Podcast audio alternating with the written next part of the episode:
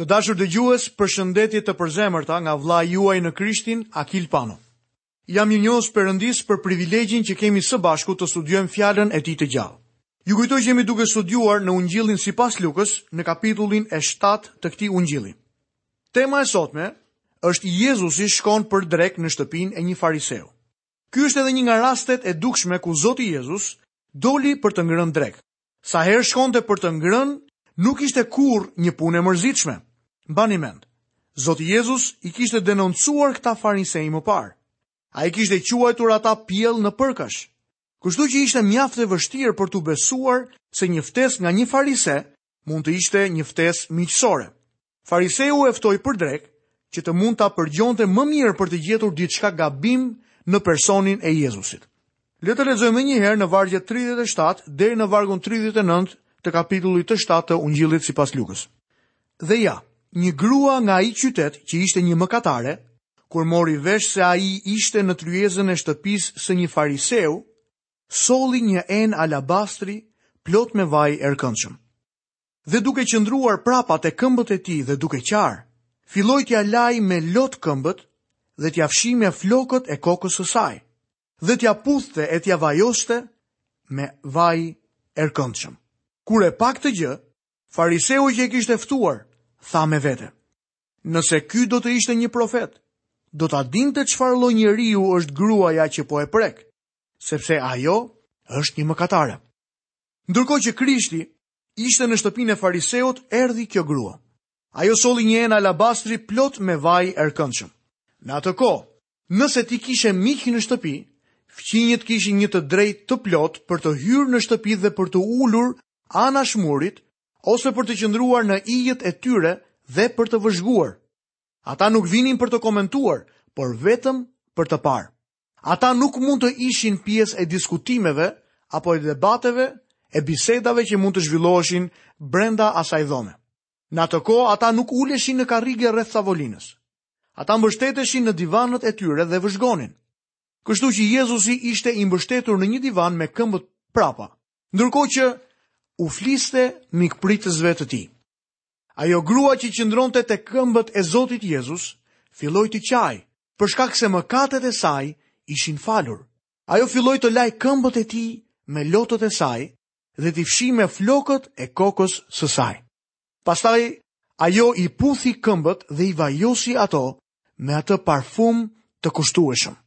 Ndoshta ky farise i vjetër nuk kishte pse t'i fliste një gruaje të tillë rrugësh, Ai edhe mund të kishte bërë biznese me të pas darke, kur askush nuk mund ta shihte, por gjatë orëve të ditës, ai nuk kishte të bënte absolutisht me një grua të një reputacioni të tillë. Kur ai e pa duke qarë dhe duke puthur këmbët e Zotit, ai mendoi: Jezusi nuk duhet të jetë një profet, sepse përndryshe do ta dinte se çfarë lloj gruaje ishte ajo dhe nuk do të donte të kishte të bënte aspak me të. Le të shohim se si Jezusi jep shëmbëlltyrën e dy borxhlinjve. Lexojmë në vargjet 40 deri në vargun 43. Dhe Jezusi duke u përgjigjur, i tha, Simon, kam diçka për të të thënë. Dhe ai i tha, Fol mësues. Dhe Jezusi i tha, Një huadhënës kishte dy huamarrës. Njëri kishte borxh 500 denar dhe tjetri 50. Meqë ata nuk kishin të paguanin, ai ua fali borxhin të dyve. Sipas teje, cili nga ata do ta dojë më shumë? Dhe Simoni duke u përgjigjur, tha, ma do mendja ai të cilit i fali më shumë. Dhe Jezusi i tha, gjykove drejt. Jezusi tha, Simon, unë dua të flas me ty. Dhe Simoni u përgjigj, po vazhdo mësues. Kjo është një nga shëmbëlltyrat e hirshme që regjistron ungjilltari Luka në ungjillin e tij. Ju mund ta shihni drejtimin që Zoti Jezus po merr nga përmbajtja e kësaj historie. Lexojmë më poshtë vargun 44. Pastaj si u suall nga gruaja, i tha Simonit: A e sheh këtë grua? Unë hyra në shtëpinë tënde dhe ti nuk më dhe ujë për të larë këmbët. Ajo përkundrazi m'i lau këmbët me lot dhe m'i fshiu me flokët e kresë. Për herë të parë Zoti e falënderon këtë grua. Deri në këtë kohë, ai nuk i kishte kushtuar asaj aspak vëmendje, por tani kthehet dhe e shikon. Ndërkohë që shikon atë që i thotë Simonit që ishte në anën tjetër të tryezës. A e sheh këtë grua? Simoni tashmë i kishte pohuar vetes së tij se ai nuk mendonte se Zoti e dinte se çfarë gruaje ishte ajo, sepse përndryshe nuk do ta lejonte ta prekte. Zoti ynë thotë: Simon, a e njeh me të vërtetë këtë grua? Shikoje, ti mendon se e sheh, por në fakt nuk e sheh. Pastaj Zoti Jezus thotë, lexojmë vargjet 45 deri në vargun e 48. Ti nuk më dhe as edhe një puthje, por ajo qysh se hyra, nuk pushoi së puthuri këmbët e mia. Ti nuk ma vajose kokën me vaj, kurse ajo m'i vajosi këmbët me vaj erëkëndshëm. Prandaj unë po të them se mëkatet e saj të shumta i janë falur, sepse ka dashur shumë, por kujt i falen pak, do pak. Pastaj i tha asaj: Mëkatet e tua të janë falur. Zoti thotë, Ti madje nuk po zbaton edhe zakonet më të thjeshta të mirësjelljes. Zoti deklaroi se ai nuk kishte një sjellje të mirë, nëse Simoni do të kishte qenë me të vërtetë një mikpritës, ai do të kishte larë këmbët e Zotit tonë. Do të kishte vajosur kokën e tij dhe do ta kishte puthur atë. Ky ishte zakoni në atë kohë, por Simoni nuk bëri asnjë nga këto gjëra. Fatkeqësisht e njëjta gjë mund të thuhet edhe për shumë të krishterë sot. Ata mund të lexojnë shumë gjëra, por nuk kanë një sjellje të mirë. Do të doja të kisha qenë prezent në atë drekë. Zoti ynë filloi të flasë pas drekës. Ajo që tha zbardhi shpirtin e Simonit. Kjo grua e varfër nga rruga pa shpresë kërkonte falje. Perëndia e qiellit ishte aty dhe ai e fali atë. Ndërsa ai tani është duke i thënë Simonit, gjykove drejt. Ti the se ai që i kishte më tepër borxh zotërisë Do të ishte ai që do ta donte atë më shumë. Ajo ishte një mëkatare e madhe dhe u fal për të gjitha. Por për shkak se ti nuk mendon se je mëkatar, nuk kërkove madje as falje. Hipokriti i vjetër farise qëndronte i ulur atje një mëkatar i pafalur. Lexojmë vargjet 49 dhe 50. Atëherë ata që ishin në tryezë bashkë me të, filluan të thonin me vete. Po kush qenka ky që po falka edhe mëkatet? Por Jezusi i tha asaj gruaje, besimi yt të shpëtoi, shko në paqe. Kjo është shumë me vend në ditët tona. Nëse je anëtar i një kishe dhe kurrë nuk i ke kërkuar falje Zotit Jezus, atëherë je i humbur.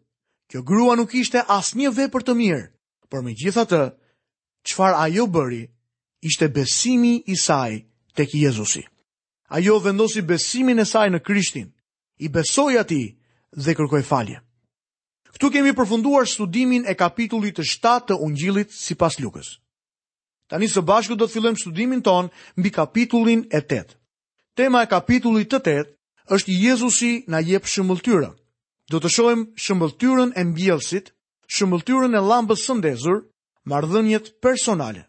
Jezusin më vonë do ta shohim ndërsa ai qetëson stuhinë. Jezusin i cili dëbon demonët në Gadare. Jezusi i cili shëron gruan me fluksin e gjakut dhe i kthen jetën vajzës së Jairit.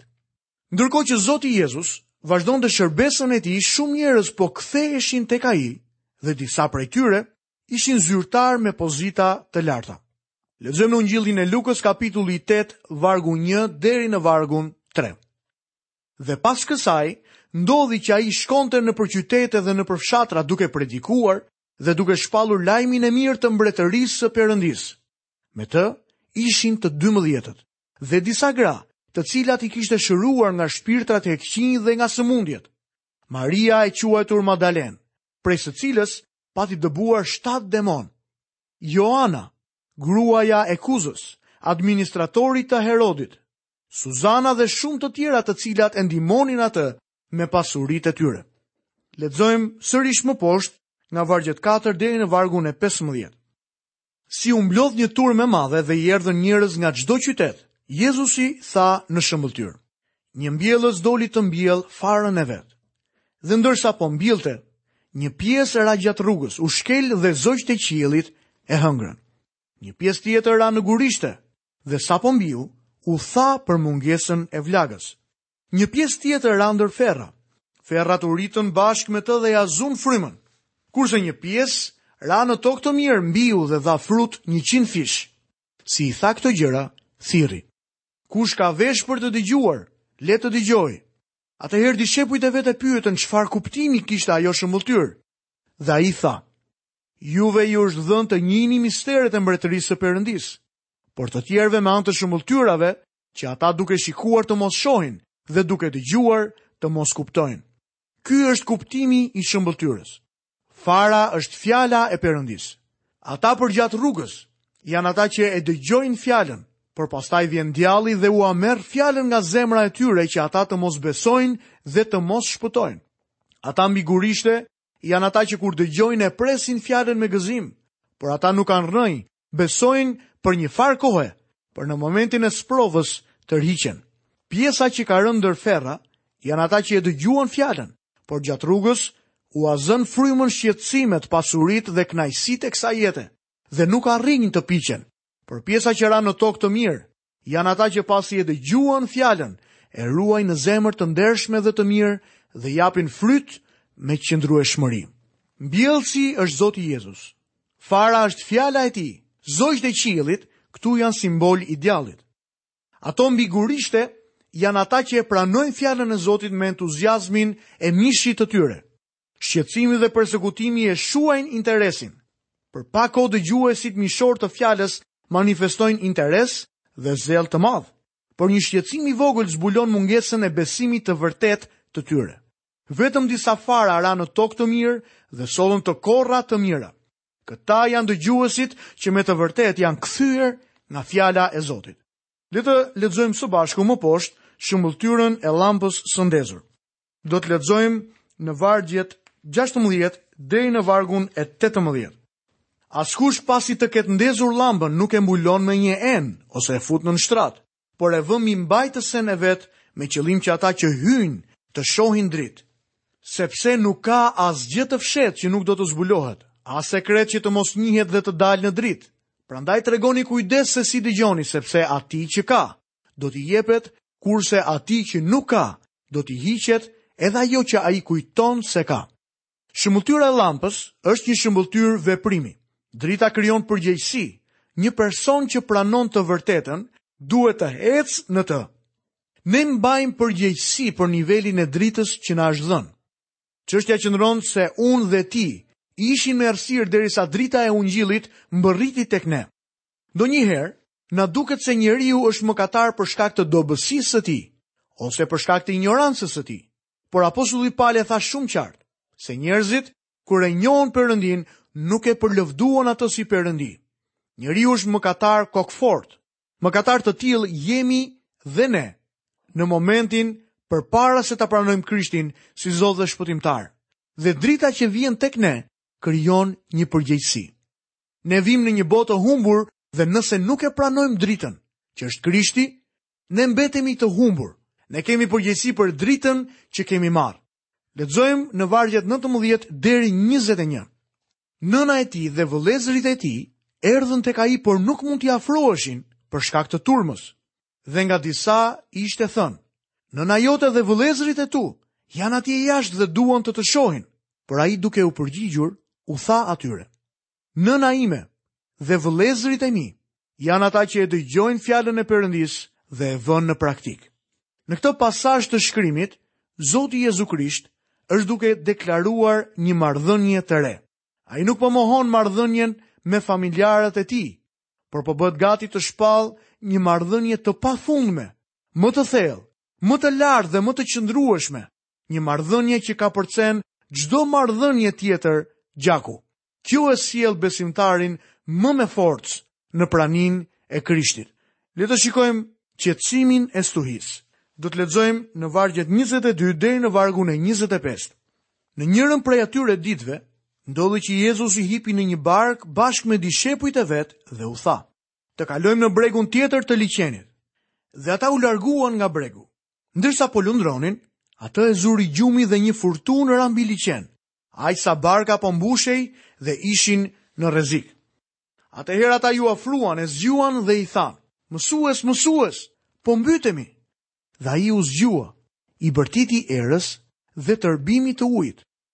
Dhe këto u qetësuan dhe u bë bunacë. Dhe Jezusi u tha dishepujve të vet, Ku është besimi juaj? Dhe ata të frikësuar, mrekulloheshin dhe i thoshnin njëri tjetrit, Vallë, kush është ky që urdhëron edhe erën dhe ujin? Dhe ata i binden. Sapo Zoti Jezus dha urdhrin për të kaluar në bregun tjetër, filloi një stuhi e paparë ndonjëherë. Forca e stuhisë paraqet ashpërsinë e Satanit. Zoti po flinte sepse me shumë mundësi në trupin e tij fizik ishte i lodhur, aq i lodhur saqë stuhia e fuqishme nuk e shqetësonte fare. Dishepujt filluan të frikësoheshin dhe po u dukej se të gjithë në atë varkë do të humbisnin. Zotin nuk e shqetësoi stuhia, por sjellja e dishepujve të tij. Ai u ngrit, qortoi erën dhe detin, ashtu si një njeri mund t'i fliste një qeni të lidhur me zinxhir. Fjalë për fjalë, urdhri i Jezusit mund të kishte qenë: Qepe, mjaft tani. Kjo mrekulli qëndron në faktin se era pushoi menjëherë dhe deti i cili mund të kishte vazhduar me dallgë për orë të tëra, në çast u bë i qetë si qelqi. Shumë shpesh Zoti na vendos në stuhitë e jetës në mënyrë që të mund t'i afrohemi Atij më shumë dhe të mësojmë se kush Ai është në të vërtetë. Zoti ynë mbërrin në Gadare, ku jetonte një maniak i poseduar nga demonët. Për shkak të profesionit të tij, doktor Luka shkon më në brendësi të historisë sesa shkruesit e tjerë të ungjijve. Lexojmë vargun 26 dhe 27. Pastaj lundruan drejt krahinës së Gadarenasve, që ndodhet përballë Galilesë. Dhe porsa Jezusi zbriti në tokë, i doli përpara një njeri nga ai qytet, i cili prej shumë kohe ishte pushtuar nga demonët. Nuk vishte rroba, nuk banonte në shtëpi, por ndër varreza. Nga shkruajtësit e tjerë të Ungjijve, marrim vesh se kanë qenë dy të demonizuar, por Luka veçon vetëm njërin prej tyre për një qëllim të caktuar. Pse? Luka është doktor. dhe po përpiqet të na japë një ilustrim. Në lidhje me çështjen e demonëve ka njerëz që mendojnë se ata i përkasin kategorisë së fantazmave, shpirtrave të këqij, xhuxhave, njerëzve të pyllit, të shthururve, mitologjisë, legjendave apo përrallave. Për shumë vite pikëpamja e mesatares së krishterë mbi demonët ishte se edhe nëse do të kishin ekzistuar ndonjëherë, sot nuk ekzistojnë më. Gjithsesi, besoj se ne shohim një manifestim dhe një rishfaqje të pushtimit nga demonët në ditët e sotme. Është i vështirë shpjegimi i asaj që po ndodh në shoqërinë tonë bashkëkohore, pa besuar në ekzistencën e demonëve. Doktor Luka e trajton demonizimin me mprehtësi nga pikëpamja e një doktori në një mënyrë më tepër shkencore. Ngjarja që na paraqet Mateu për këtë histori është më tepër një fakt. Tregimi i Markut është më tepër emocional dhe spektakolar. Më herët, Luka në ungjillin e tij ka folur për demonizimin duke e bërë të qartë se demonizimi dhe sëmundjet janë të ndryshme. Pushtimi nga demonët është po aq i vërtetë sa dhe kanceri ose lebra. Demonët i shqetësojnë njerëzit fizikisht, mendërisht dhe shpirtërisht. Ata mund të shkatërrojnë shpirtin e njerëzve dhe të jenë vdekja e përjetshme e tyre. Doktor Luka na tregon në kapitullin vijues se demonët janë sinonim i shpirtrave të papastër. Rasti i njeriut të pushtuar nga demonët në Gadare është një nga më të rëndët. Ka disa fakte që duhet t'i marrim në konsideratë në lidhje me këtë ngjarje. Fisi i Gadit populloi vendin e Gadaresë. Ky fis nuk e kapërceu lumin Jordan me Jozueun kur Izraeli hyri në Vendin e Premtuar. I pushtuari prej demonëve, nuk vishte rroba. Mendoj se ka një lidhje midis lakuriqësisë dhe pushtimit nga demonët. Ai nuk banonte në një shtëpi si njerëzit normalë, por midis varreve dhe guvave. Personaliteti i këtij njeriu kishte degraduar, ishte prishur dhe shkatërruar. Ai nuk kishte më vullnet të tijin të lirë. Shkurt ishte i zotëruar tërësisht nga demonët. Lexojmë më poshtë në vargjet 28 dhe 29. Kur e pa Jezusin, lëshoi një britmë iu hodh ndër këmbë dhe tha me zë të lartë: Ç'ka mes meje dhe ty, Jezus? Biri i Perëndisë shumë të lartë, të lutem mos më mundo. Sepse Jezusi po i jepte urdhër frymës së ndyrë të dilte nga ai njeri. sepse shumë herë e kishte pushtuar dhe ndonëse e kishin lidhur me zinxhirë dhe me pranga dhe e ruanin, ai i këpuste prangat dhe shtyhej prej demonit nëpër shkretëtirat. Demoni e njohu Jezusin. Jakobi në letrën e tij na thotë se ti beson se ka vetëm një Perëndi, mirë bën edhe demonët besojnë dhe dridhen. Demonët janë armiqtë e Perëndisë dhe ata do të gjykohen një ditë. Mirëpo cila është origjina e demonëve? Ne nuk mund të jemi dogmatikë. Bota fizike ka diçka në të që nuk mund të shihet dhe ky është atomi. Atomet ekzistojnë dhe kanë influencuar shumë në ditët dhe në brezin tonë. E njëjta gjë mund të thuhet edhe për botën frymërore. Ka disa gjëra aty që ne nuk mund t'i shohim me sytë tanë fizikë. Engjëjt janë të vërtetë edhe pse ne nuk mund t'i shohim ata. Ka dy klasa apo kategori engjëjsh. ata që janë me Zotin dhe që i shërbejnë atij, dhe ata që ranë me satanin në fillim. Homeri flet për qenien e demonëve si sinonime të zotave. Hesiodi, një filozof grek, thotë se të gjithë demonët janë të mirë, ndërsa një tjetër filozof grek, Empidokli, shpall se ka dy lloj demonësh të mirë dhe të këqij. mbrapa gjithë idhytarisë dhe fesë së lashtë qëndronte demonizmi. Demonët e kontrollojnë një njeri në mënyrë që ai të mos bëjë atë që do. Demonët bëjnë që njerëzit të kryejnë vepra të frikshme dhe të tmerrshme. Ata bëjnë që njerëzit të kryejnë vepra që shkatërrojnë shpirtin.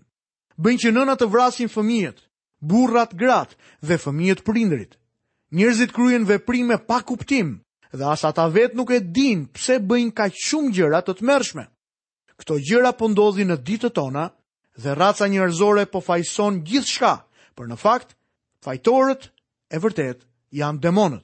Do të lexojmë më poshtë nga vargu 30 deri në vargun 33. Dhe Jezusi e pyeti duke thënë: Si e ke emrin? Dhe ai u përgjigj, Legjion, sepse shumë demonë kishin hyrë në të.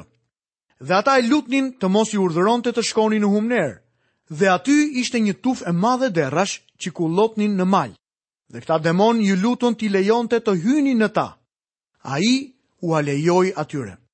Atëherë demonët si dolën nga ai njeri, hynë tek derrat dhe ajo tufë u turr nga gremina në liqen dhe u mbyt. Ky njeri nuk ishte i pushtuar vetëm nga një demon, por nga një legjion me demonë. Në një legjion romak me ushtarë, kishte nga 3000 deri në 6000 njerëz. Fjala legjion përdoret si fjala turmë Te ky njeri gjende një turmë me demonë dhe thuhet se ata nuk dëshironin të shkonin në humnerë. Fjala humnerë është gropa e thellë e pafund ose gremina ku janë burgosur të gjithë engjëjt e tjerë të rënë. Juda në letrën e tij na tregon për këtë çështje në vargun e 6, ku ai thotë: Ai i ruajti me pranga të përjetshme në errësirë për gjyqin e ditës së madhe. Edhe engjëjt që nuk e ruajtën gjendjen e tyre të parë, por e lanë banimin e tyre. Demonët duan të banojnë në trupin e një personi. Kur një demon dëbohet prej një personi, do të endet për ca kohë dhe pastaj do të kthehet sërish duke u përpjekur të hyjë përsëri tek ai njeri. Ose nëse nuk fiton hyrjen, ai do të kërkojë të futet tek një person tjetër. Ai nuk dëshiron të jetë pa trup. Kur Zoti i dëboi demonët jashtë këtij njeriu, ata ishin të gatshëm të shkonin më mirë në trupat e derrave se sa në humnerë. Nga ana tjetër, mos harroni se derrat do të donin më mirë të ngordhnin se sa të kishin demonë brenda tyre. Lexojmë vargjet 34 deri në vargun 36. Kur panë se çfarë ndodhi, ata që i ruanin derrat ikën dhe e çuan lajmin në qytet e nëpër fshatra.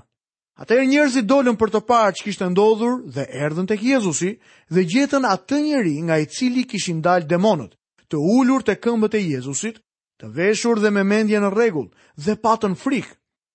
Ata që e kishin parë ngjarjen u treguan atyre si ishte shëruar i demonizuari. Kur demonët dolën nga trupi i këtij njeriu, ai ndryshoi krejtësisht.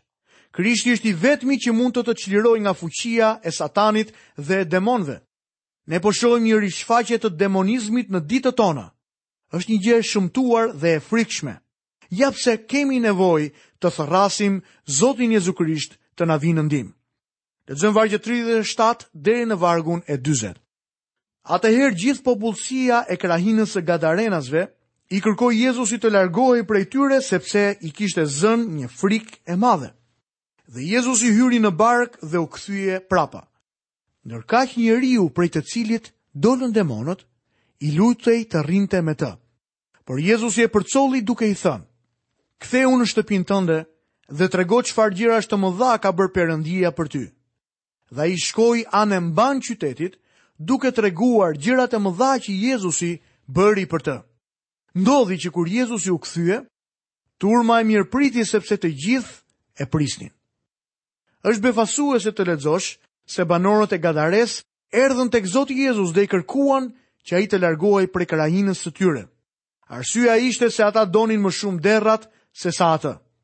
Për ditët e sotme, kjo është një çështje zemërhetuese, sepse ka shumë njerëz që do të donin të kishin më mirë gjëra të tjera, po aq të këqija sa derrat në vend të Krishtit. Të dashur dëgjues, këtu kemi mbërritur dhe në fundin e emisionit të sotëm. Nga vëllai juaj Akil Pano, paçi të gjitha bekimet e Perëndisë dhe paqen e tij në jetën tuaj.